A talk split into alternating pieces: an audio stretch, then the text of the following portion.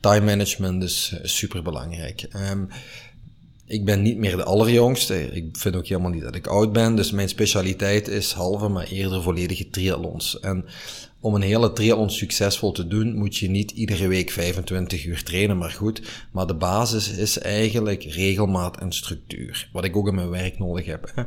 Zes van de zeven dagen in de week en soms zeven, ja, dan, dan train ik, maar dat is heel vaak maar een uurtje of anderhalf uurtje per dag de persoon die zegt dat hem of haar dat niet lukt, ja, die wil ik heel graag helpen om dat wel te doen lukken. En stuk is ook zelfdiscipline. Uh, of ja, soms kan je het ook zien als, uh, als zelfkastijding, want dat is natuurlijk niet altijd even leuk om dat voor en na en tijdens, om god weet waarover te doen.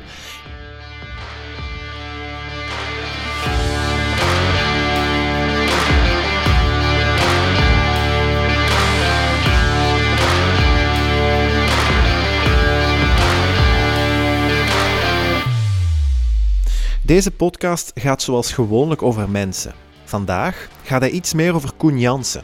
Koen is CEO van It's You Jobs, een onderneming die hij samen met zijn vernoot begon, maar die 13 jaar later is uitgegroeid tot een groot en stevig merk. Uiteraard hebben we het over zijn rol als CEO. Een kapitein die door de storm van 2020 moest varen, heeft daar ongetwijfeld ook zinvolle dingen uitgeleerd. Hij gaat het straks zelf kansen noemen, en dat is een mindset die volgens mij de meeste garantie op succes geeft. Naast het bedrijfsleven heeft Koen een nog altijd rovende en bijzondere hobby. Hij is fervent triatleet. Die twee rollen combineert hij met éénzelfde verzameling van skills. Het zijn de usual suspects. Het is wilskracht, doorzettingsvermogen, planning, structuur, positief denken enzovoort. Alleen is er een verschil tussen theorie en praktijk en je moet het dan ook maar doen. Naast werkgever met verantwoordelijkheden en triatleet met enkele Ironmans onder de gordel, is hij ook echtgenoot, vader en probeert hij heel bewust elke dag een beetje een beter mens te zijn. Hij noemt dat zelf jongleren. Mooie beeldspraak voor wat het in feite is. Ons leven is een beetje jongleren. Het is zoeken naar een evenwicht en ik vond het het meest bijzondere in deze aflevering. Hou je aan dat plan, toon beeldskracht op de juiste momenten en je doel ligt binnen handbereik.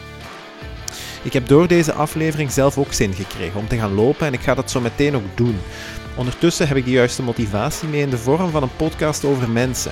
Terwijl ik mijn hartslagmeter van onder het stof haal, is hier alvast voor jullie Koen Jansen.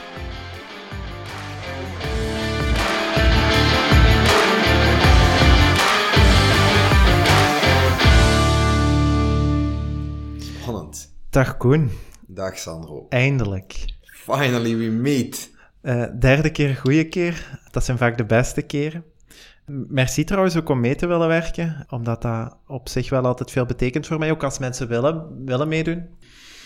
Ik, uh, als alles goed gegaan is, heb ik u normaal nu al ergens voorgesteld. Dus ik maak altijd een intro. Mm -hmm. um, maar misschien, van, ik vond het voor deze keer misschien wel eens een leuk idee als, als je zo uh, Koen Jansen zo zelf mocht voorstellen. Hoe zou je dat dan doen?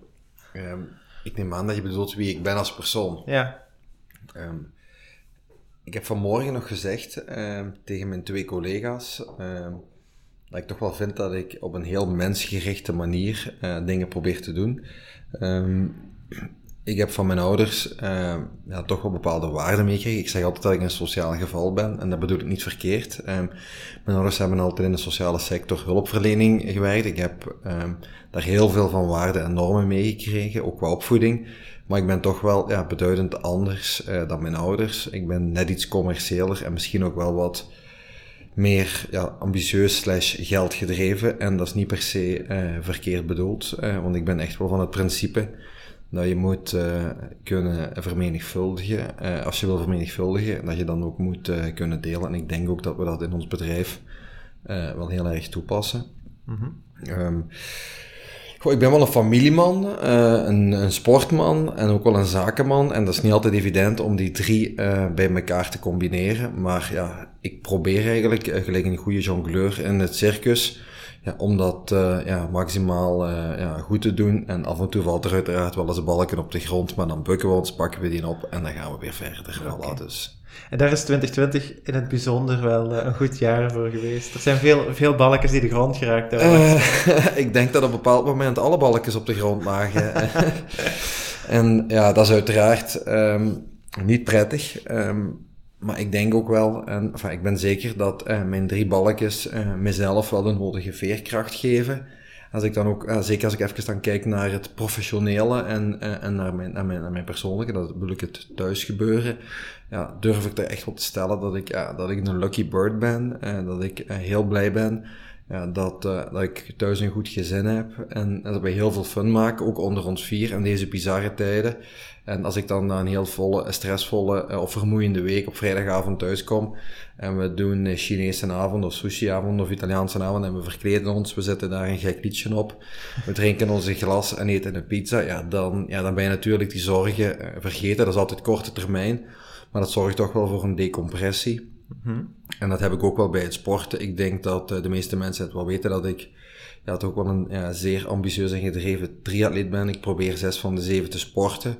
Nu op deze, deze periode van het jaar, uh, en het voor- en het najaar is dat eerder vooral onderhouden van conditie. Maar het voorjaar en in de zomer uh, steek er toch heel veel tijd en energie in.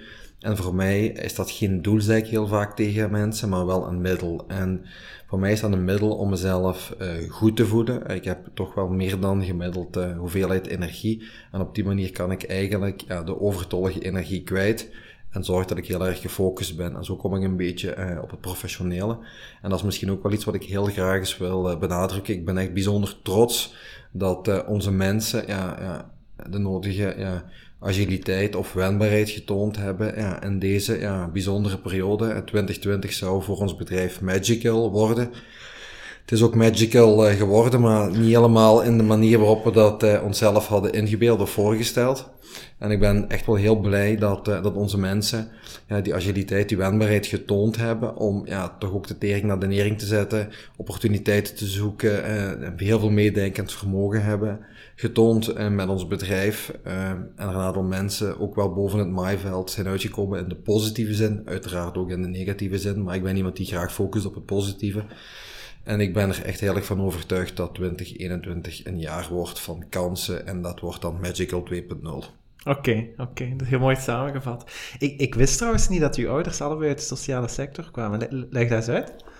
Ja, um, dat is misschien wel ja, een, mooi, een, een, een mooi verhaal. Mijn, mijn beide grootouders, dat waren um, ja, toch wel ondernemende mensen. En mijn grootvader aan uh, moederskant, dat was een, een timmerman. Die heeft mhm. letterlijk zijn eigen doodskist gemaakt, want die is eigenlijk heel onverwacht uh, overleden op zeer jonge leeftijd. Uh, die was uh, net geen net wel 60.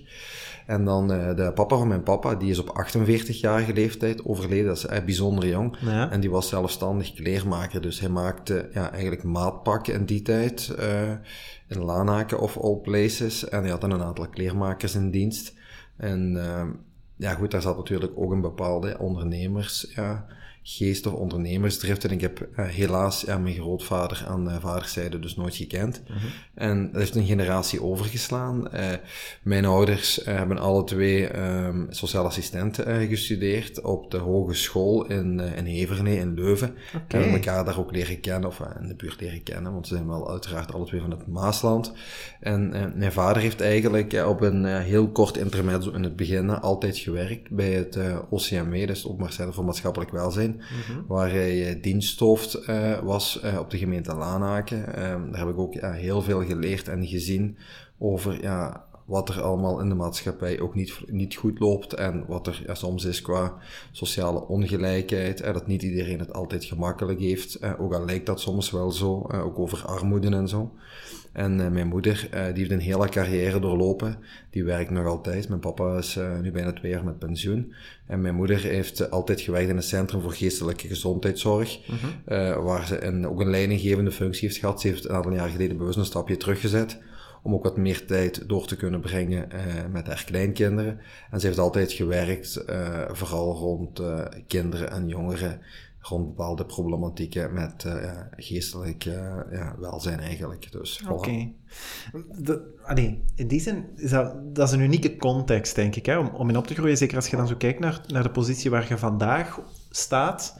Um, omdat dat bagage is, of, of een leerschool is die, die ja, misschien mensen op dezelfde positie als u minder gemakkelijk meegekregen hebben van thuis uit. Hoe, hoe um, neemt je bepaalde dingen die je vanaf jonge leeftijd van thuis hebt meegekregen, um, zijn dat zaken die je vandaag nog gebruikt, waar dat je vandaag alleen nog altijd zo'n beetje door Ja, absoluut. Ja, ik denk dat ik een beetje begrijp wat je wilt zeggen. Ja, dat is zo. Maar ik heb altijd wel bijzondere keuzes gemaakt. Zeker in mijn uh, tienerjaren heb ik heel vaak geclashed met mijn ouders, omdat ik wel een beetje rebelser was van karakter. Um, ja, een van mijn twee uh, mede-aanhouders zei altijd dat ik een koppige Maaslander ben. Um, ik heb een bijzonder hoog rechtvaardigheidsgevoel. Dat zal voor een stuk daarvan komen, maar ik ben iemand die denk ik wel heel modern is in het denken en ook een moderne manier heeft van, uh, van, van zaken doen, van leiding geven. Maar toch ja, ben ik in een aantal ja, essentiële ja, basisprincipes bijzonder traditioneel. En dat heeft te maken met elementaire beleefdheid, eerlijk zijn, respect hebben, trouw zijn, loyaal zijn. En ja, dat is misschien wel iets wat ik daar ook wel geleerd heb. Ik ben ook van jongs af aan altijd in de jeugdbeweging geweest. Ik ben ja, het hele gamma doorlopen bij de scouts, tot leider, hoofdleider in de Gauw, provinciaal actief geweest. Um, dat zijn wel dingen die ik ja, super belangrijk vind, ook mhm. voor mijn kinderen. Um, heel toevallig had ik gisteren met mijn vrouw daar nog een, uh, ja, ja, niet een, dis dispuut over of een discussie, maar het ging erover uh, dat als je ergens toe engageert, ook al ben je 9 of 11, de leeftijd van mijn kinderen, en je, je bent bij een sportclub of bij een vereniging en je wil dat doen, dat ik dan tenminste vind dat je ook, ja, tenzij God weet wat gebeurt, dat je ook het jaar tenminste moet uitdoen. Mhm. En dat heeft te maken met volhouden, en dat soort dingen. En dat is misschien van een oude stempel eh, voor iemand van, ja, van mijn generatie, maar ja, ik vind dat toch wel heel belangrijk. En ik denk ook ja, dat dat een stukje afstraalt uh, op ons bedrijf, uh, voor zover ik er invloed op meen te hebben. En ik denk dat dat positief is, maar goed... Ehm, daar moeten andere mensen maar over oordelen als dat zo is. Ja, ik, en ik denk dat iedereen, en dat mag, hè, dat, dat, allee, dat er verschillende opvattingen rond bestaan. Maar het, gaat, het heeft inderdaad wel iets van zo mee, meegeven van bepaalde waarden. Zo. Ehm, het, het, het, is um, misschien een beetje een, een, een brute sprong. Ondertussen um, in 2020 een stevige positie, denk ik, mag ik zeggen, met It's You Jobs verworven. Misschien moeten we daar eens... Allee, eerst voor de voor mensen die luisteren, die misschien niet weten wat It's You Jobs is, mm kun je daar gewoon een, een samenvatting over geven? Wat, wat, allee, waar staat It's You Jobs voor? Wat, wat doet It's You Jobs? It's You Jobs is gewoon de allerleukste uh, uitzender in heel België en omstreken. Nee, alle gekheid op een stokje. It's You Jobs is een onderdeel uh, uh, van de It's You groep of de It's You holding, waar we twee afdelingen hebben. Enerzijds Human Resources aan de andere zijde het facilitaire. Um, en Itsu Jobs is, uh, is de uitzendtak van de Itsu groep. Um, wij proberen op een uh, hele leuke, soms wel iets wel andere manier proberen wij uh, voor onze klanten en kandidaten ja, de ideale job te vinden. En hoe doen wij dat? Uh, de kracht van Itsu of Itsu Jobs, maar ik spreek ook graag over Itsu in het algemeen, ja, die ligt echt wel uh, bij onze eigen mensen, die iedere dag het verschil maken voor onze kandidaten en, en voor onze klanten. Wij geloven dat de arbeidsmarkt steeds krapper wordt en dat eigenlijk in de komende tijd de werknemer voor een stuk de werkgever zal kiezen en niet omgekeerd. En er is ook een zeer belangrijke rol in weggelegd voor de intermediair, voor de tussenpersoon, voor Itsue en al onze mensen. En uh, het is aan ons en aan onze mensen ja, daar maximaal te ondersteunen, te helpen om ja, die perfecte match voor die werknemer of die werkzoekende te kunnen, uh, te kunnen regelen. En ik denk, of ik durf wel te stellen, dat we daar ja, vrij goed in slagen. Er is uiteraard marge tot verbetering, maar we hebben vooral een superleuke vibe in ons bedrijf. En dat geeft mijzelf iedere dag ook uh, vlindertjes om, uh, om er tegenaan te gaan. Oké. Okay. was ooit Tobasco. En Tobasco is een beetje op een eigenaardige manier geboren. er is een verhaal over een skipiste. Um, er is een verhaal over een skipiste, dat klopt. Alleen is Tobasco niet ontstaan op de skipiste, okay. maar wel ja, de of een van de mede-grondleggers van Itzio. Um, Tobasco is een bedrijf wat ja, ooit is mee overgekocht uh, door uh, Louis Kems, mijn zakenpartner en ikzelf. Maar um, ik ben altijd heel sportief geweest en sinds mijn achttiende uh, ben ik ook uh, altijd skiles gaan geven. Dat is een lang verhaal, maar via iemand van de scouting terechtgekomen bij een reisorganisatie die ja, skireizen doet met begeleiding. En ik had me daarvoor opgegeven omdat ik als student nogal heel graag op vakantie ging. Ik was goed in skiën. En zo kon ik drie, vier, soms wel vijf keren gratis en ook nog voor niks op skivakantie gaan. iedere dag gezond in de bergen sporten en s'avonds dikke pinten drinken. Dat is iets wat ik ook heel graag doe af en toe. En ja, om een lang verhaal kort te maken, zo ben ik uh, een van mijn twee huidige zakenpartners vernoten, Louis Kemps, tegengekomen. Ik was zijn skileraar. En dan een dag of twee, die ging altijd maar van achter wat in de skibotten, uh, wat te genieten en rond te kijken. Die luisterde helemaal niet naar mijn oefeningen. En ben ik eens gaan vragen waarom uh, dat hij eigenlijk niet meedeed, dat ze het niet leuk vond. En ja, zo zijn we eigenlijk aan de slag gegaan met elkaar te beginnen te babbelen. En ja, om een heel lang verhaal kort te maken, is er wel een goede klik gekomen, hebben we elkaar begrepen. En ja, na menig uh, pot en pint in de après-ski bar, hebben we ons op de middag samengezet in een après-ski bar en gezegd, ja, maar jij zit daarmee bezig, jij zit daarmee bezig, als we dat nu eens samen zouden doen. En zo is eigenlijk, dat was met een nieuwjaarsreis 13 jaar geleden, en zo hebben we eigenlijk dan beslist om de koppen een keer samen te steken, ook eh, na pot en pint. Mhm. En uh, hebben we een aantal afspraken gehad. En 16 april, dus eigenlijk vier maanden later, zijn we naar de notaris gegaan voor ons eerste bedrijfje op te richten. Dat was toen een outplacement bedrijf en dat is vandaag It's You Career. Dus een heel mooi verhaal eigenlijk wel. Ja. Dus eigenlijk is um, van, van alles wat daaruit is voortgekomen, is allez, wat nu It's You Career heet, is eigenlijk het begin van alles. Absoluut. Ah, ja, ja, ja, ja, dat is um, het. Uh, daar is het ooit mee begonnen, ja. Oké, okay, en dan zijn jullie eh, zo wat, um, op, op bepaalde sectoren misschien wat, wat niches beginnen focussen. Hoe, hoe, is dat, hoe is dat gekomen? Ja, hoe is dat eigenlijk ontstaan? Ik ben ook wel best trots dat de eerste drie medewerkers die ik ooit zelf heb aangeworven, dat die er vandaag nog altijd zijn. Okay. Hè? Dat is Guy. Guy is vandaag onze HR-director, dus de allereerste persoon die ik ooit zelf heb aangeworven. Dus ja. dat is ook wel een mooi verhaal. En dat zijn Hanne en Astrid. En we zijn dan begonnen met outplacement, wat dan een wettelijke verplichting was. En de activiteiten die Louis en zijn andere bedrijven hadden, waren ook allemaal wettelijke verplichtingen in, uh, in de human resources. Dan hebben we eigenlijk als eerste ja, private bedrijf een project loopbaanbegeleiding ingediend bij ESF, het Europees Sociaal Fonds.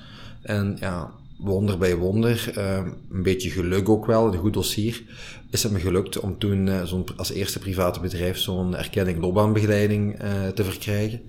Dan zijn we met, naast Outplace met loopbaanbegeleiding begonnen. Dan zijn we naar werving en selectie en assessments beginnen aan toe te voegen om eigenlijk een complete oplossing in HR te hebben.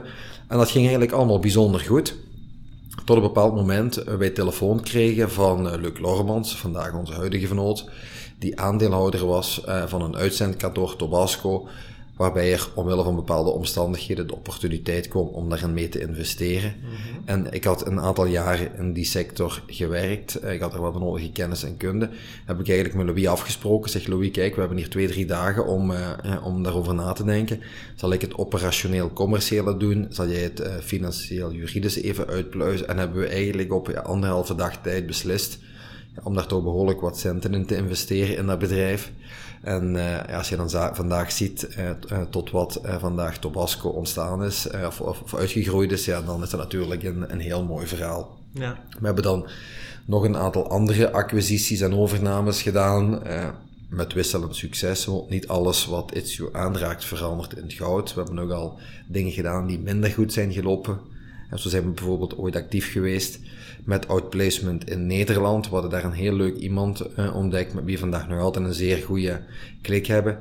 Daar ging ook een nieuwe wetswijziging komen op het gebied van outplacement, transitievergoeding noemt dat. Mm -hmm. En wij hadden daar bijzonder veel verwachting en zijn samen met die mevrouw een nieuw bedrijf gestart in Rotterdam. Maar jammerlijk is die wetgeving in de praktijk heel anders uitgedraaid, waardoor eigenlijk outplacement alleen maar is afgenomen in plaats van is toegenomen, waardoor we ook een stukje met de staart tussen de benen, maar wel met opgeven hoofd, van Rotterdam terug naar Hasselt gekomen zijn. Maar dat is een hele goede leerschool. Oké. Okay. Want Itsu is, voor alle duidelijkheid, heel de groep echt een, echt een Limburgs bedrijf, hè? Ja. We zijn van origine een Limburgs bedrijf. Um, ik zeg wel eens, uh, al lachend, de wijzen komen uit het oosten. Dat horen ze niet graag in West-Vlaanderen en in Oost-Vlaanderen. Maar natuurlijk, onze footprint, uh, die is van origine, is die in, in, in Genk en Hasselt. Maar uh, we hebben ook een aantal acquisities, overnames gedaan, uh, vooral in de schoonmaaksector dan, in, uh, in West-Vlaanderen en Waregem, ook in Nederland. En ja, steeds meer zijn wij een nationaal bedrijf, maar uiteraard vind ik dat wij als Limburgers onze roots niet moeten verloochenen. -hmm. We willen steeds meer nationaal en ook internationaal actief zijn, want we zijn ondertussen ook in Polen actief. Maar um, het is niet verkeerd om te zeggen dat onze roots in Limburg. ja, ja, ik denk dat dat inderdaad een heel schoon verhaal is. Um, toen, toen jullie gestart waren met outplacement, ging dat om uh, drie mensen die dan aangeworven werden en daarmee is alles begonnen. Hoe groot is de Etsy groep vandaag? Ja, we zijn niet met drie mensen begonnen. In het begin heb ik dat echt helemaal alleen gedaan. Um, ik deed toen één dag outplacement in Brugge, s morgens, één dag in Gent, één dag in Antwerpen, een dag in Leuven en een dag in Hasselt. En dat heb ik een aantal maanden gedaan. En gelukkig, heel gelukkig, hebben toen heel snel moeten schakelen met een aantal freelancers. En zo zijn we dan ja, de eerste mensen beginnen aanwerven en beginnen groeien. Um, ik ben niet heel zeker, maar um, omwille van eh, in de schoonmaaksector is het zo dat als je een nieuw contract uh, tekent, dat je dan ook altijd verplicht bent om de huidige medewerkers mee over te nemen. En we hebben recent een aantal zeer mooie nieuwe contracten getekend, die heel binnenkort gaan opstarten. En ik heb mij laten vertellen dat wij op dit eigenste moment de kaap van de 2000 medewerkers, niet in voltijds equivalent, maar we wel in, uh, in hoofden of in koppen, dat wij die bereikt hebben. Dus uh, dat is een mijlpaal. Uh mhm. -huh. Het is niet onze ambitie om het meeste mensen op onze payroll te hebben. Het is wel de bedoeling om It's You We Care About uh, te zijn. Dat wil zeggen goed zijn voor onze eigen mensen. Onze eigen mensen zijn goed voor onze klanten. En zo zullen we de cirkel wel rondmaken. Dus... Oké, uh... oké. Okay, okay. En... Um, want ik hoor u nu een aantal keer vertellen, um, ook heel het verhaal hoe dat Tobasco gestart is, hoe dat outplacement uh, verankerd werd. Um, ik hoor u een aantal keren zo echt snelheid gebruiken. Het ging heel snel, uh, kwestie van een paar dagen, ja. weken. Um, voor mij zit daar precies wel zo. Um, want ik vraag me dat soms af. Wat, wat onderscheidt eigenlijk zo de. Hoe moet ik het zeggen? De, de verhalen waar dat mensen het gedaan hebben en het verhaal waar dat de mensen te lang gedribbeld hebben. En ja, en, ja dan is die bus gepasseerd. Absoluut, ja. Kijk, hè, heel vaak zegt men ook wel eens, je hebt vaak spijt van de dingen die je niet gedaan hebt. En niet van de dingen die je wel... Dat klopt, maar dat klopt ook maar voor een stuk. Hè. Kijk, het leven is aan de durvers, hè, aan de doeners. Maar als ik nu terugkijk over welke risico's ik soms genomen heb in het verleden, dan ben ik blij dat ik ze genomen heb. Maar als ik ze vandaag opnieuw zou nemen, in alle eerlijkheid, uiteraard over diezelfde beslissing, denk je dan nu wel, nou ja, tuurlijk, het is goed dat ik dat gedaan heb. Maar soms denk ik van, ja, poeh, dat was toch wel, ja, een poker, of hoe noemen ze dat? Ik ben niet zo vergokken, maar dat is uh, al in in de casino. Um, ja? Dat was het misschien niet helemaal. Maar we hebben toch een aantal keren wel ja, best risico's genomen. Um, als het dan gaat over het investeren in mensen, als het gaat over investeren in de overname of de opstart van een nieuwe activiteit of een gebouw. Mm -hmm. ons hoofdkantoor hier in Hasselt, dat is een zeer groot gebouw. Dat hebben we gebouwd, uh, rekening houdend dat we zelf alleen maar de benedenverdieping ja, konden ja, bemannen en dus ook konden betalen, maar een beetje op risico gezegd, ja, we gaan daar zeker wel een huurder voor vinden. Ik ben ook heel blij dat dat gelukt is. Maar dat zijn dingen, ja, dat lukt nu wel geen tien keer. Dus, ja, dus laten we zeggen dat we nu iets meer conservatief zijn als het gaat in het inschatten van risico's. Uiteraard nemen we nog altijd in absolute bedragen dezelfde risico's als destijds en ook nog wel grotere. Maar natuurlijk, omdat er nu al een wat stabielere basis is en er ja, al meer ja, is als issue zijnde, zijn die risico's natuurlijk een stukje kleiner geworden mm dan in het verleden. Um, maar ik ben er wel van overtuigd, en dat is ook de reden waarom ik denk dat wij als issue misschien net iets harder groeien dan een aantal andere bedrijven, is dat wij ja, die, die wendbaarheid of die agiliteit kunnen koppelen aan een bepaalde ja, ondernemingszin, een korte beslissingslijn. En als het nodig is, dat wij op heel korte termijn kunnen schakelen, ook al gaat het over veel geld op belangrijke beslissingen. Oké, okay. is dat, zit daar een stuk moed in? Durf? Um, je kan dat moed noemen, moed noemen durf, uh, ondernemingszin, drive, motivatie. Wat ik wel heel goed vind, is dat in het verleden werden die beslissingen vaak genomen door één of twee mensen. Mm -hmm. En dan was ik zelf vaak één of één van die twee. Um, en wat we nu doen, uh, nu betrekken we, nu, natuurlijk, we zijn als organisatie ook gegroeid. We hebben echt supergoeie mensen, een heel sterk managementteam. En als het gaat over echt belangrijke strategische beslissingen, dan hebben we echt hele korte communicatielijnen. Ook met onze managers of met onze directieleden of onze eindverantwoordelijken om ja, desgewenst snel te schakelen. En wij nemen nooit beslissingen die impact hebben op een bepaald bedrijf of op een bepaald deelbedrijf, zonder daar ja, de leidinggevende mensen mee in te betrekken. En ook van hen verwachten we eigenlijk ja, die wendbaarheid of die dynamiek of die drive om samen met ons op relatief korte termijn te schakelen en beslissingen te nemen. En ik denk dat dat ook net iets is wat je als leidinggevende of als manager, of hoe dat je het ook wil noemen, uh, binnen onze organisatie, dat dat wel een, een, een, eigenschap is of een karaktertrek is die je moet uh, aan de dag kunnen leggen wanneer het nodig is. En dat is niet iedereen gegeven, maar als je wil ondernemen of ondernemend zijn, ja, dan liggen er in een bedrijf gelijk het onze wel uh, mooie kansen. En dan is die betrokkenheid er ook. Zijn er bepaalde factoren die volgens u bepalend zijn om zo'n grote groep mensen dezelfde richting in te laten gaan? Um, kun je dat een klein beetje... Wel, um, om, omdat, uh, daar straks gebruikt je het woord ook van, van ambassadeur. Ja. Je, hebt, je hebt uh, ondertussen 2000 mensen in dienst. Um, ja, ik vertel nu geen geheimen, maar ik werk bijvoorbeeld ook voor Your Jobs. Ik ben eigenlijk ook opgeleid als maatschappelijk werker. Ik heb heel lang in de sociale sector gewerkt en er is ook een reden waarom ik voor dit project en niet voor een ander project gekozen mm -hmm. heb. Um, dat is fijn. omdat ik ook wel voel dat... Allee, wat, wat je nu vertelt, want daar wist ik trouwens niks van. Ik heb nu vandaag geleerd dat je ouders uit de sociale sector komen en dat dat bepaalde waarden zijn die je van thuis hebt meegekregen en dat dat mm -hmm. ook een bewust...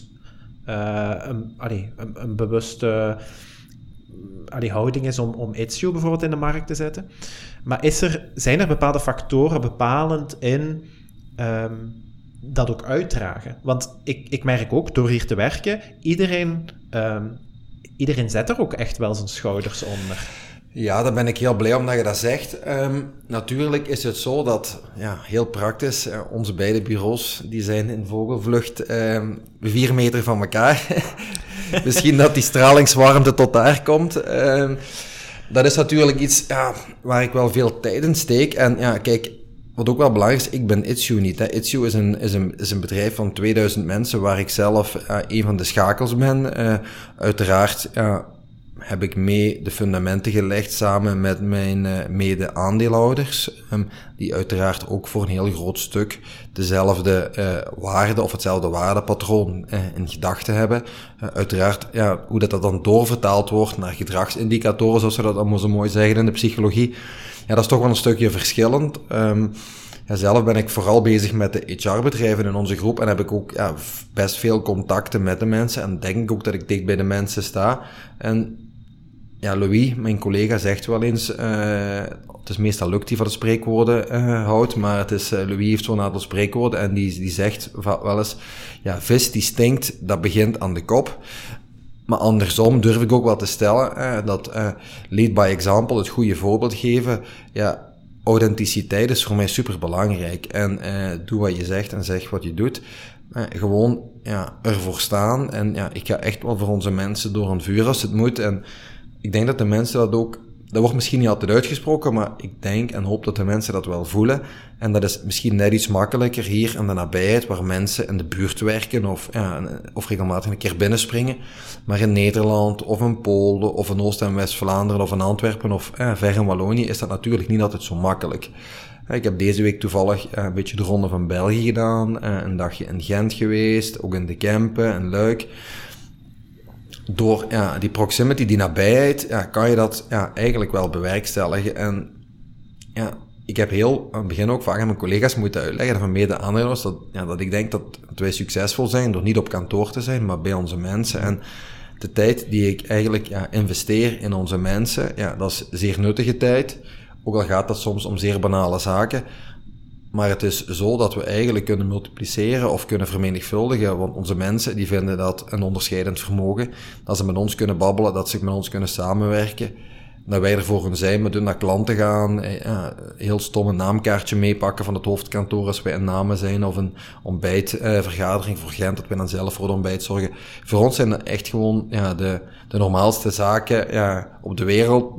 Maar blijkbaar is dat in andere bedrijven soms niet zo. En ik, ik denk dat ja, op die manier dat ambassadeurschap wel een stuk doorvertaald wordt. Uh, ja, doorheen de organisatie. Maar hoe groter je wordt, wel hoe moeilijker ja, dat dat is om dat bij iedereen echt maximaal ja, te impregneren, hè, zeggen ze in de houthandel. Maar dat is wel belangrijk, want dan zit het erin en dan gaat het er niet meer uit. Wat ook al gebleken is, is dat er ooit mensen van wie we heel veel zien dat ze heel veel potentieel hebben, bij ons komen werken, maar dat die toch niet uh, ja, die basiswaarden of die missie of die visie van ons delen. En dan is dat niet altijd uh, door ons, ja, dat die mensen op een bepaald moment beslissen om onze organisatie te verlaten. Maar dat komt dat ja, door de groepsdruk of dat de andere collega's wel direct of indirect, dat laat ik aan het midden, uh, aangeven ja, dat het toch niet op dezelfde golflengte zit. En dat, ja, men zegt ook wel eens in de literatuur, uh, culture eats strategy for breakfast. Ja, ik ben er een hele grote uh, believer in. Je kan de allerbeste mensen aan boord hebben, de allerbeste strategieën en financiële plannen.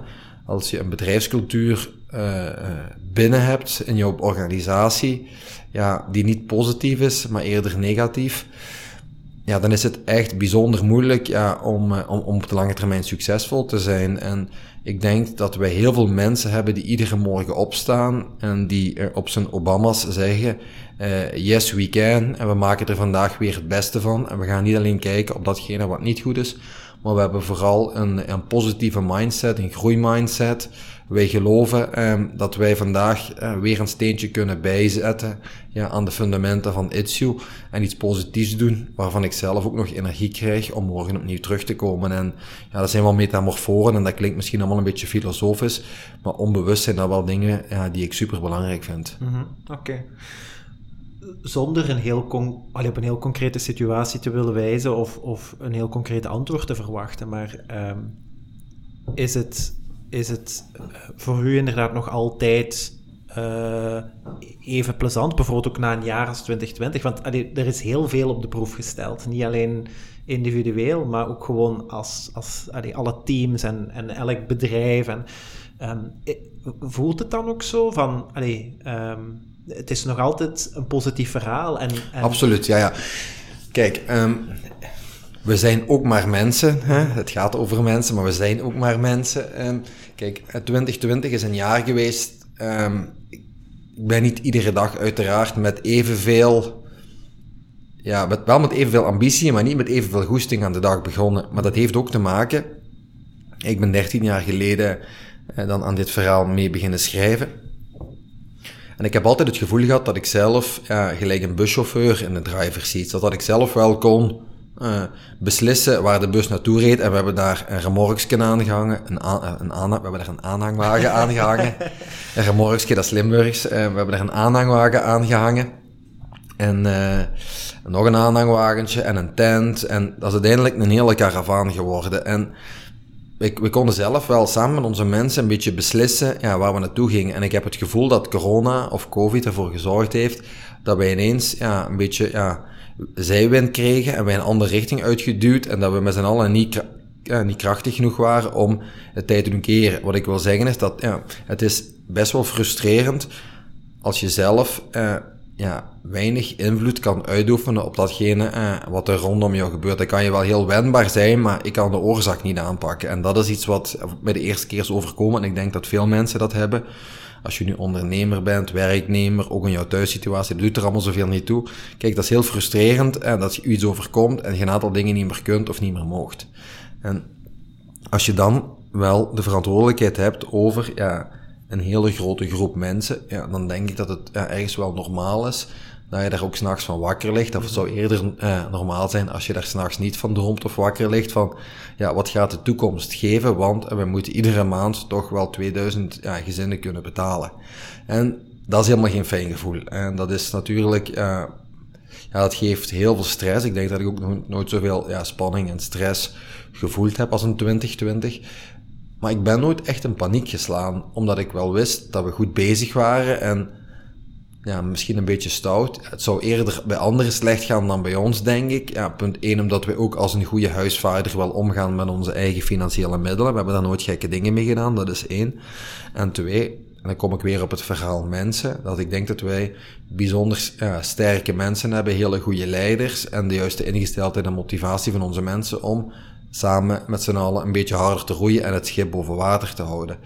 Um, ik hoop, en ik heb ook heel veel goesting in 2021, ik noem het een beetje het jaar van de opportuniteiten. Mm um, het kaf uh, wordt van het koren gescheiden, zegt men ook wel eens in, uh, ja, een financieel-economische middels. Wat wil ik daarmee zeggen? Uiteraard zullen er uh, ja, bedrijven het niet redden of zullen niet meer bestaan.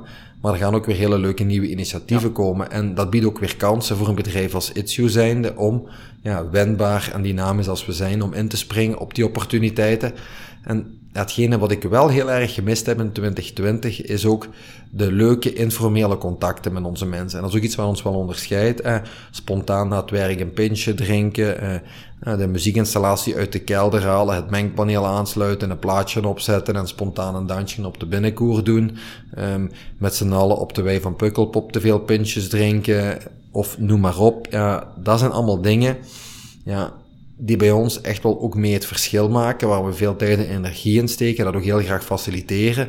Ja, en die magic, die was er in 2020 niet. En ik kijk er echt naar uit dat dat ook terugkomt, want dat gaat eigenlijk bij ons ook voor een accelerator zorgen. We zijn een snel groeiend bedrijf. We hebben zelfs in 2020 nog heel wat mensen aangeworven. Die hebben nog geen één uh, evenement van Itzy op die manier meegemaakt. Ja. Dus als die nog een beetje die magical vibe en die saus, ja, tot hun krijgen, dan denk ik dat wij in 2021 in staat zijn om hele mooie en zelfs ook grootste dingen te doen met z'n allen. Dus daar ben ik wel heel, uh, ben ik wel heel erg uh, van overtuigd. Oké, ik denk, ik volg u daar wel in, zodat dat zo het, het, jaar, het jaar na de chaos, dat daar, dat daar ook de kansen liggen. Zo. Ja. En op zich is dat een heel gemakkelijk standpunt in het algemeen. Om, om het, om het allee, vol te houden klinkt zwaar, maar om, om het zo te overbruggen. Um, dat 2020 is van voorbijgaande aard. Hè. Elk jaar is per definitie van voorbijgaande aard. Maar mensen willen perspectief. Ja. En iets om naar uit te kijken. Zo ben, ik, zo ben ik zelf ook.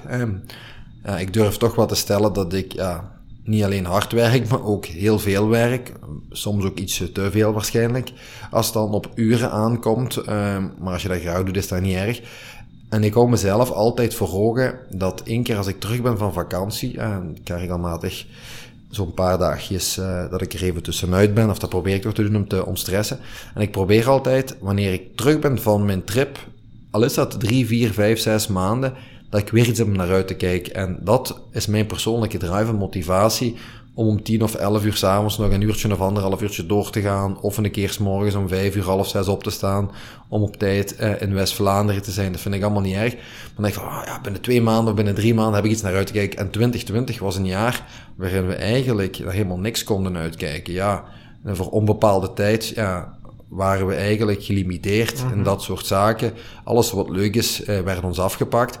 En alleen al nu dat je weet dat er perspectief is op een aantal zaken, merkt dat er heel veel goesting is bij eh, alles en iedereen, ja, om er terug eh, op te vliegen. En het eerste feestje, eh, wat kan en mag, daar zou ik heel graag bij aanwezig zijn, want daar gaan de vonken van afvliegen. Ja, ik denk dat ook. Ik denk dat, ook. dat geldt voor heel veel mensen. Ook. Ja. In, in, in zo, het is een, misschien een beetje een persoonlijke vraag, maar um, ik, en ik, ik vind het zo te, te um, allee, het is inhoudelijk te sterk om het te laten liggen, maar in een jaar als 2020, want je zegt daarnet, in een normaal jaar probeer ik inderdaad om de drie, vier maanden een perspectief te plannen, wat ik kan ontstressen, een beetje aan mezelf werken, tijd te maken voor het gezin. In een jaar als 2020 is dat veel moeilijker en, en iedereen is een beetje flexibel ook moeten zijn in uh, gewoon eigen welzijn en dat kunnen blijven mhm. bewaken. Van het moment dat je zo um, twijfelt of een beetje de, het gevoel hebt dat, uh, dat je de controle niet meer had, zoals allee, uw beeld sprak over, over de bus waar jij mee rijdt normaal. Um, op de momenten dat je voelt dat je zelf zo'n beetje aan het wankelen bent, hoe, hoe gaat je daar zo gewoonlijk mee om? Wat, wat maakt dat je je daar niet door laat bepalen? Goh, dan kom ik eigenlijk terug een beetje ja, bij de circusaap die ik ben en die drie balletjes. En uh, dan probeer ik uh, me op te trekken aan die twee andere balletjes. Um, ook bijvoorbeeld als het gaat over de sport en de triathlon. Er is ook geen, geen, enkele triathlon doorgegaan. normaal was ik op dit eigenste moment aan de andere kant van de wereld. was ik met mijn gezin in Nieuw-Zeeland. Ik was geselecteerd voor het wereldkampioenschap halve Ironman. Dat is uiteraard een eh, behoorlijke teleurstelling, want daar kijk ik echt wel heel erg naar uit. Niet alleen om naar die wedstrijd te doen, maar ook uh, om, om die dingen te ontdekken. En ja, ik heb een, een echtgenote die bijzonder veel begrip toont. Zij is ook psychologe. En ja, heeft ook wel heel wat meegemaakt in, in, het verleden, ook privé en ook heel positief ingesteld. ik denk dat ik een bijzonder goede relatie en, en, en gezin heb waar ik op heel veel begrip kan, kan rekenen van mijn kinderen, maar ook van mijn vrouw. En ja, veel babbelen, leuke dingen doen samen, dat is allemaal goed. Maar soms ja, helpt dat ook niet meer en dan wil je gewoon eens alleen zijn. En als ik dan van mijn werk thuis kom en ja, mijn vrouw zag al aan me dat het me echt niet ging, dat ik ja, echt een rotdag uh, gehad had op het werk. Dan zei ze bijvoorbeeld, ja, doe maar wat je zelf wilt, ga eventjes alleen wandelen of sporten of ja, of doe iets ja, even om tot jezelf te komen. Ja, en dat is ook niet altijd iedereen ja, gegeven, dat dat allemaal kan en mag. Dus dat helpt me, denk ik. En als ik dan echt ja, wakker was, dan stond ik meestal wel op en dan ging ik lopen of iets doen. Want ja, als, ik, als je begint te piekeren en na te denken, ja, ik ben wel van overtuigd dat dat alleen maar de zaken verergert. En dan probeer ik gewoon ja, voor afleiding te zorgen. Ik heb een goede vriendengroep, eh, nogmaals hele toffe collega's. Ja, en ik denk, ja, gedeelde smart is halve smart. Ja, ook daar weer proberen het positieve te zien en vooruit te kijken en er maar weer tegenaan gaan. Ja, en dat heeft er in mijn situatie dan toch voor gezorgd ja, dat ik altijd wel ja, het positieve heb gehad, wat uiteindelijk dan de bovenhand nam. Ook al zag ik het op dat moment dan niet altijd zo. Dus, uh. Maar ik denk ook, ja, uzelf goed verzorgen, een gezonde, ja, een gezonde geest en een gezond lichaam. Ik ben ervan overtuigd dat gezond eten, gezond leven, sporten, uiteraard ook genieten. ik drink ook graag een, een, een goed glas wijn en uh, meer dan één pintje. Uh, dat moet ook eens kunnen. Dat, dat, is ook goed voor het mentale welzijn. En, en eigenlijk dat allemaal in balans houden zorgt ervoor, denk ik, ja, dat het wel goed komt. Ik ben iemand die heel erg houdt van, van regelmaat, van structuur. Ja, mijn vrouw noemt dat de chak-chak. We zijn er niet in het leger, zegt of we zijn er niet op uw werk. Bij deze wil ik zeggen dat het op mijn werk, of op ons werk, ook niet altijd chak-chak is. maar voor mezelf is dat wel een manier om, ja, om de knop om te draaien en uh, dat helpt wel. Oké. Um, je hebt zelf al een beetje de, zo de verbinding gelegd. Hè? Um, naast naast allee, CEO van een ondertussen heel groot bedrijf in, in, een, in een heel lastige storm die 2020 heet. Um, en dit is misschien een vraag die ik u al uh, meer dan twee jaar wil stellen. Maar daarnaast zit je ook nog een, een, meer dan verdienstelijk triatleet. En dan is mijn vraag, uh, hoe, hoe komt je aan 28 uur per dag?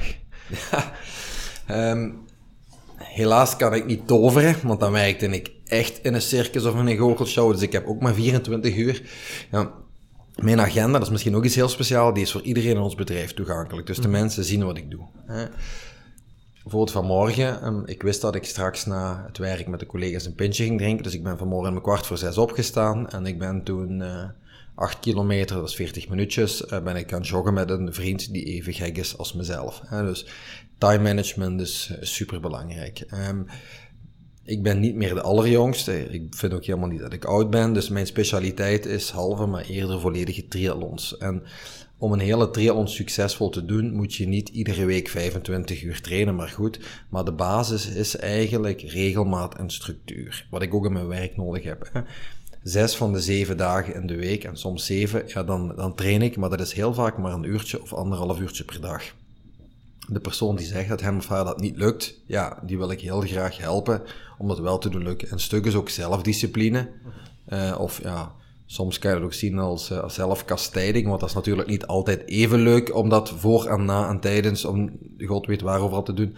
Ik ken ongeveer ieder zwembad in Vlaanderen als ik onder on the road ben en ik zie ergens een gaatje en uh, ik weet ik heb een heel druk uh, ochtend- en avondprogramma en dan doe ik, probeer ik dat op, op te combineren. Ik heb een hele goede coach uh, die mij schema's maakt, meestal voor één à twee weken op voorhand. En wanneer het echt in het voorjaar naar een Ironman gaat, dan maakt hij mij eigenlijk een schema voor vijf, zes weken. Zodanig dat ik mijn uh, agenda ook goed kan plannen. En in alle eerlijkheid, wanneer ik echt in het voorjaar, eind april, begin mei, aan het opbouwen ben naar een volledige triathlon, ja, dan moet ik soms de keer eens om vier uur stoppen of om de fiets op te springen om mijn kilometers te kunnen doen. Want dan ga je natuurlijk wel naar een aantal weken van 20 à 3, 4, 25 uur in de week trainen. En dan is dat natuurlijk niet allemaal uh, in het weekend mogelijk. Maar het is door ieder, iedere dag in, dag uit, systematisch die kleine blokjes bij te zetten, hele brede fundamenten, dat je eigenlijk ja, er toch in kan slagen om uh, ja, op een hele goede en ook nog snelle manier zo'n zo'n triathlon een succesvol einde te brengen. Want ik ben, ik zeg dat vaak, mensen geloven dat niet, maar ik heb niet echt veel talent. Ik kan misschien niet slecht lopen, maar ik ben zeker niet uh, iemand met bijzonder veel talent, maar wel iemand met enorm veel wilskracht en motivatie. En als je dan volhardt in de trainingen en je houdt je aan je plan, als je weet wat je kan en wat je ook niet kan, ja, dan, uh, en dan slaag je daarin. Want ook een triathlon is een afvallingsrace. En er zijn mensen die veel te hard, veel te onstuimig beginnen. En uh, ja, als je 3,8 kilometer moet zwemmen, 180 fietsen en daarna nog een marathon lopen, en je doet dat veel te hard, ja, uiteraard ja, ga je dan de mist in. Dus heel wat mensen slagen niet in het opzet. Uh, mijn grote doel voor 2021 is om, uh, om mij te kwalificeren voor het wereldkampioenschap volledige triathlon. Dat is de Ironman van Hawaii in Kona. Dat is, ja, dat zo'n beetje het, uh, het hoogtepunt van mijn, van mijn sportieve carrière, als ik daar al van kan mag spreken zijn. Ik weet niet of het me gaat lukken. Ik ga er mijn uiterste best voor doen. we zullen zien ik heb in ieder geval de juiste mindset, um, een goede trainer. Uh, jij hebt ook een portie geluk nodig. En dan zullen we wel zien als ik uh, in oktober uh, de kleuren van ons land samen met een dertig of veertigtal andere mensen mag verdedigen op het uh, mythische Kona in Hawaii. Dus daar kijk ik bijzonder hard naar uit. want Hawaii is een beetje de, de Champions League finale van de, van de triathlons, hè? Ja, dat klopt. Ja. ja. Hawaii is de, inderdaad de Champions League finale uh, van de volledige triathlon. En dat is altijd ieder jaar in Hawaii. En dan voor het WK halve triathlon is er eigenlijk door Ironman gekozen om dat ieder jaar op een ander continent te doen. Okay. Um, en dat heb ik zo twee jaar geleden heb ik zo het WK mogen doen in, uh, in Zuid-Afrika. En ook met familie een hele mooie reis. En uh, de bedoeling was dan nu Nieuw-Zeeland te doen. En en familie moet ook heel wat opofferingen doen, maar natuurlijk de uren dat ik werk ben ik er niet, maar de uren dat ik sport ben ik er ook niet altijd. Ik doe wel heel veel binnen, dus indoor. Uh, daar ben ik wel nabij, maar toch ook niet echt aanwezig en beschikbaar. En het is dan wel heel mooi dat uh, wanneer je zo'n dingen dan kan beleven, of dat hoogtepunt kan beleven, dat ik mijn gezin kan betrekken ja, bij die leuke momenten. En dan heb ik ook de allerbeste steun. En ik ben er zelfs van overtuigd dat ik daardoor ook beter kan presteren als zij erbij zijn. Ja, ik, ik denk ook allee, voor, een, voor een triathlon, want allee, ik blijf dat. Um, ik loop zelf marathons en ik loop zelf ook wel graag. Maar ik vind een triathlon complete waanzin. Gewoon die afstanden. Uh, en, en dat is, een, dat is zo een, iets dat mij wat afschrikt. Ik heb ook watervrees, hè. Dus mm -hmm. dat, dat, is ook een probleem. Er bestaat ook duathlon, hè. Daar moet je niet eens bij. Um, maar er zijn dus een aantal dingen die mij zo tegenhouden om het te proberen. Gewoon omdat die afstanden, dat lijkt zo onwezenlijk. Ja, maar het valt Want, echt mee. Zo een, een wedstrijd, Koen, allee, van start tot finish, hoe lang, hoe lang duurt dat voor u? Ja, iets minder dan tien uur. Oké, okay, oké. Okay. Dat is, ja, dat is, als je... Dat is een dag, hè? Ja, dat is, ja, dat is een hele lange werkdag. Ja, maar je moet weten, ik zeg altijd, eh, de allerbeste profs doen er acht uur over, of acht uur en okay. een beetje. Bij mij zit dat 9,5, 10 uur. Oké. Okay. Dat is ook ongeveer de tijd die ik nodig heb met te kwalificeren naar Hawaii, 9,5 uur. Maar, en dat vind ik zo mooi in triathlon, dat wordt harder geklappen voor de laatste dan voor de eerste. Mm -hmm. En het is zelfs zo, hè, er is een tijdslimiet afhankelijk van welke Ironman je doet of welke triathlon je doet, van 16 of 17 uur. Uh, ik heb zelf al een paar keer meegedaan aan het Europees kampioenschap in, in Frankfurt. Wat ik bijzonder vind is dat de winnaar bij de mannen en de winnaar bij de vrouwen om 11 uur, half 12 uh, s'avonds, uh, voor alle duidelijkheid, zo'n triathlon begin je meestal s morgens om kwart voor 7, 7 uur. En de tijdslimiet is dan, ik denk dat het 12 uur middernacht is. Dan staan de winnaar van de mannen en de winnaar van de vrouwen aan de finishlijn. Om de allerlaatste mensen die nog net niet binnen zijn of voor de tijdslimiet, om die aan te moedigen. En die krijgen een harder applaus dan de winnaar. En ik krijg nu zelfs kippenvel als ik het vertel, maar je kan dat makkelijk een keer uh, gaan, uh, gaan opzoeken uh, op internet, op social media. Dat is waanzin. En mm-hmm. dat is iets, ik zeg altijd, je moet meer respect hebben voor iemand die er 15, 16 of 17 uur over doet. Ah, ja. Want die heeft eh, twee keer zo lang. Twee keer zo lang, of een, echt een fenomenale prestatie geleverd. Ja, die doet uiteraard minder hard en misschien minder intensief, maar hij of zij doet het wel. En daar moet je bijzonder veel respect voor mm-hmm. hebben. En dat vind ik ja, fenomenaal. En dat is echt de enige sport waarbij ook iedereen tijdens de wedstrijd, bijvoorbeeld tijdens een, tijdens een marathon, heb je uiteraard moeilijke momenten. Dan wordt er gewoon op elkaar geroepen en je krijgt van come on, een schouderklopje, van hey, kom teruglopen, niet stoppen. En amateurs, profs lopen daar door elkaar, want die loopt natuurlijk eh, in rondjes, dus het kan goed zijn dat je met de allerbeste ter wereld, ook al heeft die één of twee of drie rondjes voorsprong op u dan, eh, van 10 kilometer voor alle duidelijkheid, dus dat is wel een verschil. Dan loop je daar langs en dan, dan moedig je elkaar aan en dat is, dat is fenomenaal. Eh, ja, om, om te beschrijven en ook om mee te maken als je zo naar zo'n volledige triathlon kan gaan, zeker zo'n Ironman, ja, die feeling die daarbij komt kijken, ja, dat is, dat is echt kippenvel voor iedereen uh, die daar uh, in de nabijheid is. Dus uh, okay. zeker een keer doen. Oké. Okay. Nog niet zo heel lang geleden um, was ik zelf ook, en ik denk dat ik, dat, ik dat opgepikt heb via, via uw social media. Um, Chris Nickek, ja. de eerste jonge man met syndroom van Down die een Ironman uitloopt op 16 uur en een klein beetje. Um, ja, ik, ik, werd zo bijna euforisch en blij in zijn plaats. Het is absoluut een prestatie en 16 uur volhouden. Ehm, maar die, ehm, hij is ook over de finish gelopen met een t-shirt daar met 1% op. Uh, ik ben gaan opzoeken wat die 1% wilde zeggen. En die uh, heeft dus eigenlijk samen met zijn papa als een soort van mantra zichzelf gemotiveerd om elke dag van zijn leven 1% beter te doen dan de dag daarvoor. Ja. En uh, ja, dat maakt dat hij een, een volledige Ironman uitloopt. Um, dat, is de, uitdoet. dat is de bouwsteen van triathlon ook. Hè. Iedere dag, ik zei die blokjes. Hè. Mhm. Ik zeg wel eens, een, een, om een goede triathlon te doen, moet je heel veel basistraining doen. Mensen zeggen altijd van, ja, maar hoe hard loopt jij dan? Dan zeg ik, zeg maar, ik loop gemiddeld 12 km per uur. Dat is uh, 5 minuten per kilometer. Dat is mijn trainingstempo. Mhm. Maar ik loop harder dan 5 minuten kilometer ja, in een marathon, in triathlon. Maar je moet eigenlijk, hetgene wat ik wil zeggen is, ik heb een paar weken geleden nog bij wijze van testen een snelle halve marathon gelopen. En dat kan, maar dan moet ik dan ook drie, vier dagen ja, van herstellen, zure benen, spierpijn, gewrichten. Je moet eigenlijk allemaal kleine blokjes uh, bijzetten. En je moet dan eigenlijk zien als een piramide. En, en, en, en, hoe komt het dat een piramide destijds uh, van de Egyptenaren die nog altijd staat? Omdat die een goede basis hebben. En dat is eigenlijk bij duursport.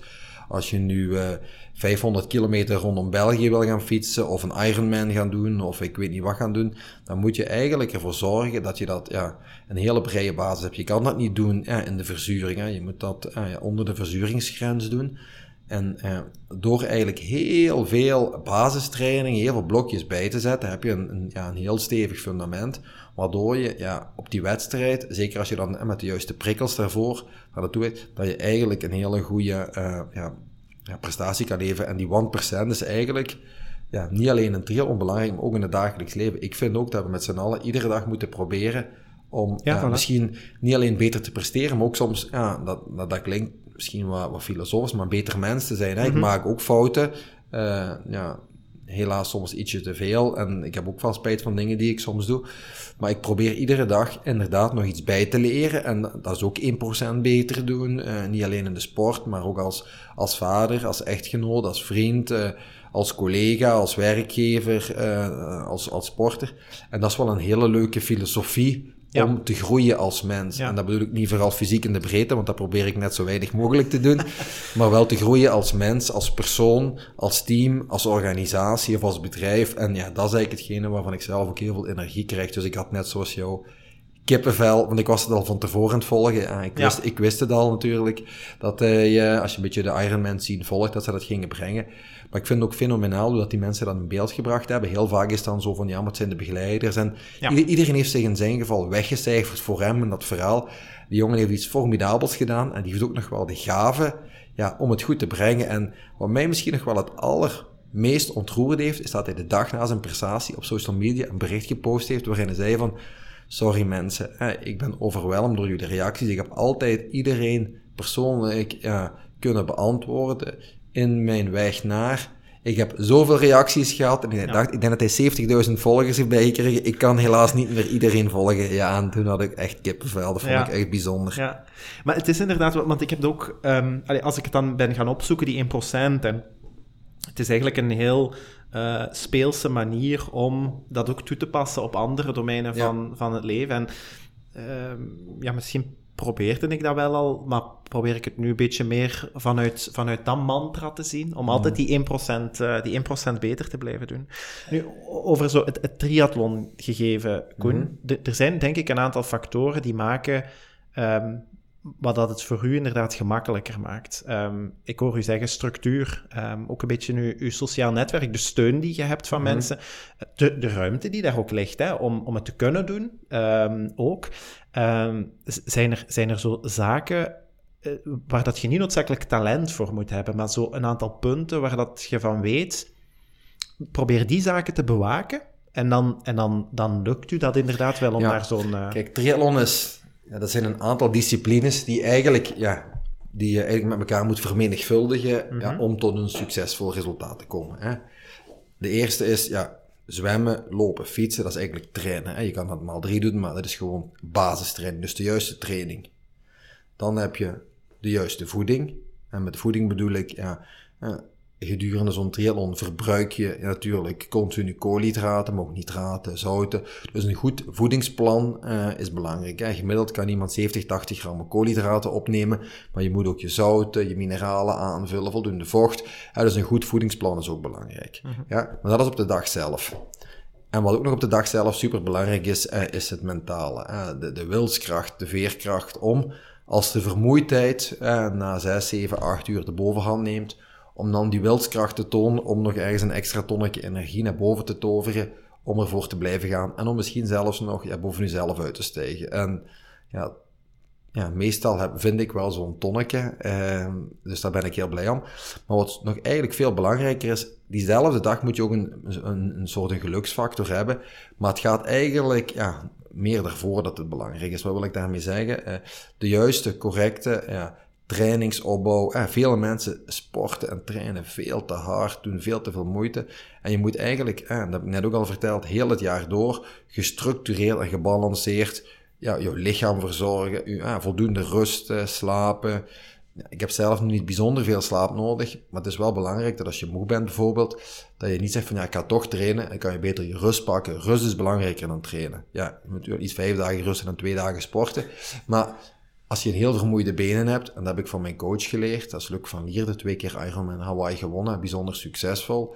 Ja, het luisteren naar je lichaam, dat kan je ook leren. En uh, dat is iets uh, als je begint met duursport, uh, ja, misschien nog niet onder de knie hebt, maar door al vijf, zes jaar toch op een redelijk niveau dat te doen, ja, voel ik van mezelf, van ik heb vandaag een mindere dag, die intensieve blokkentraining, ja, die gaan we toch maar niet doen. Uh, we gaan die vervangen door wat los fietsen of een beetje loslopen of misschien zelfs helemaal niks doen. En dan stem ik dat af met de coach. En ja, dat is allemaal wel belangrijk, want heel veel mensen komen ook overtraind aan, uh, mm -hmm. aan de start van zo'n verhaal. Ja, en dan, ja, dan is eigenlijk het vet van de soep en ja. dan komt er niks van. En uiteraard ja, is er ook materiaal belangrijk. Een paar loopschoenen, ja, dat kan iedereen zich makkelijk permitteren. Een, een, een fiets kost geld natuurlijk. Ja, hoe, hoe duurder de fiets, um, hoe beter de fiets, meestal.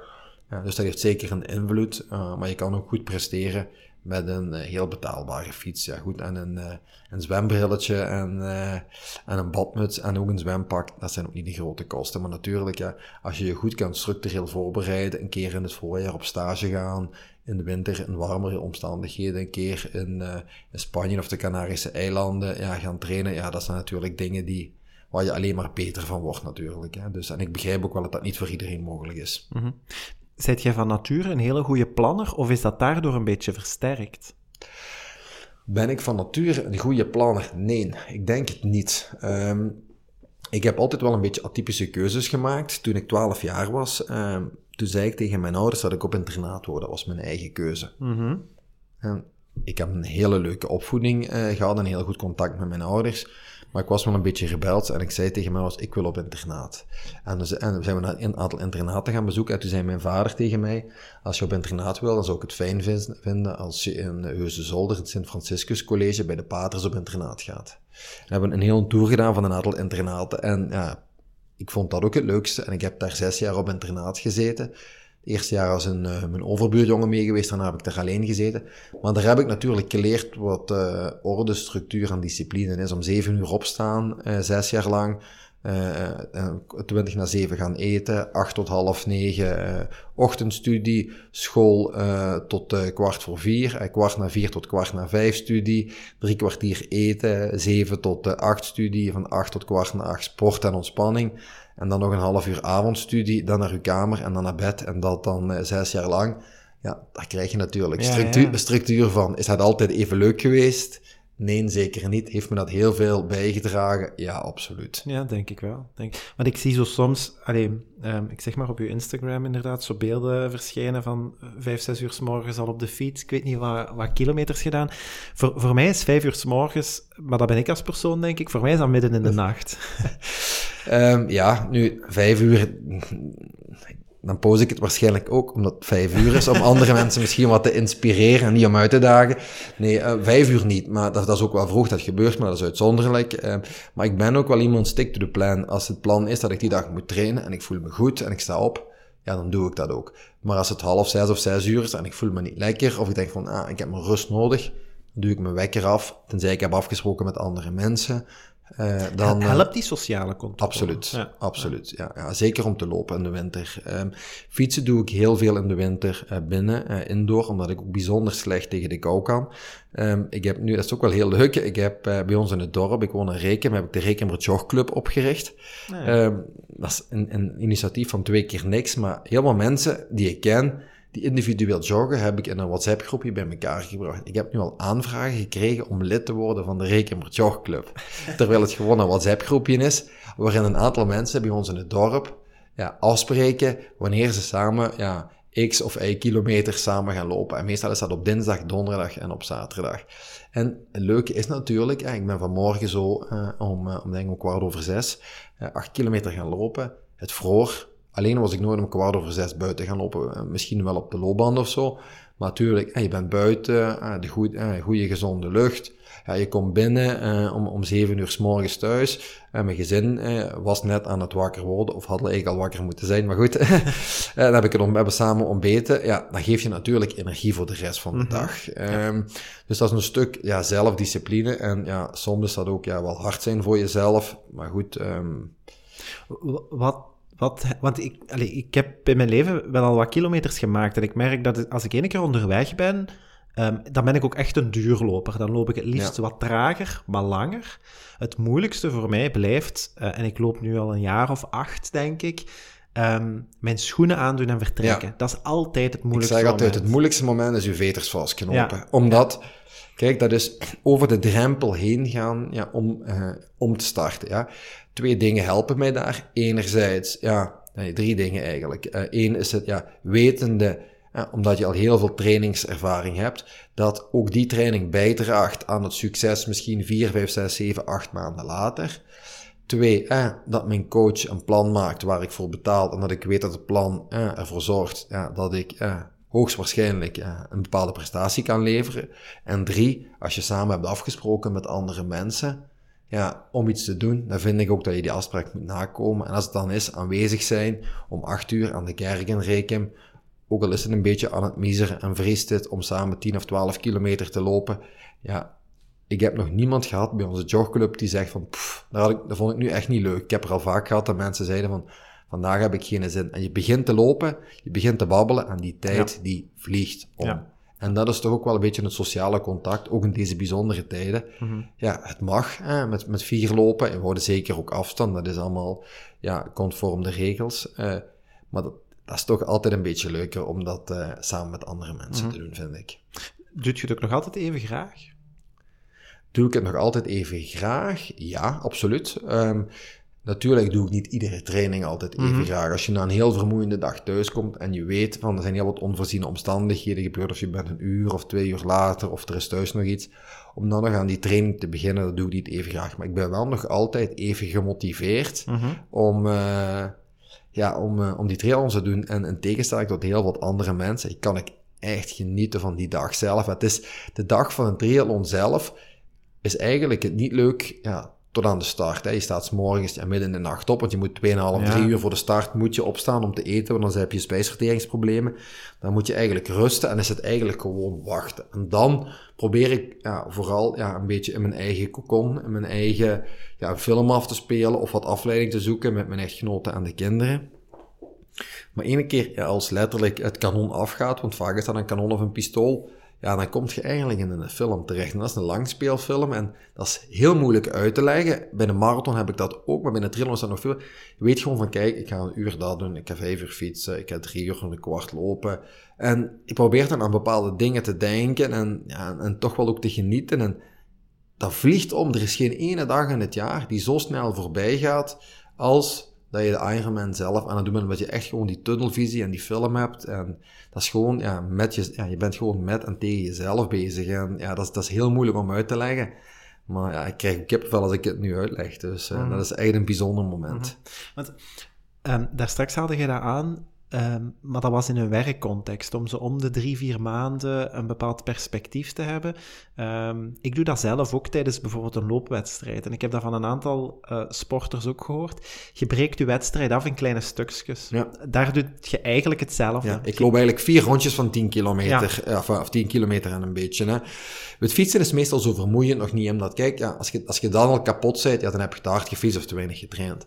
Het is eigenlijk na 20 kilometer ja, in uw marathon, ja, dat uh, de man met de hamer komt. Mm -hmm. En ja, dan is het gewoon, dan tel ik gewoon af. En wat vind ik heel bijzonder aan de marathon, of aan de, aan de marathon in de triathlon van, uh, van Frankfurt, dan loop je eigenlijk een, een loop langs het water. En dan kan je eigenlijk op één loopronde, kunnen de supporters jou twee keer zien. En ik loop eigenlijk gewoon vijf kilometer, tot als ik terug, ja, mijn, uh, mijn familie of mijn vrienden zie. En meestal spreken we dan ook af dat op verschillende plekken op het parcours dat mensen staan die ik ken. Ja. En op het einde, zeker die laatste 10 kilometer, wanneer het om de knikkers gaat, dan loop je zelfs niet meer uh, tot 5 kilometer, dan loop je tot de volgende persoon die je ziet.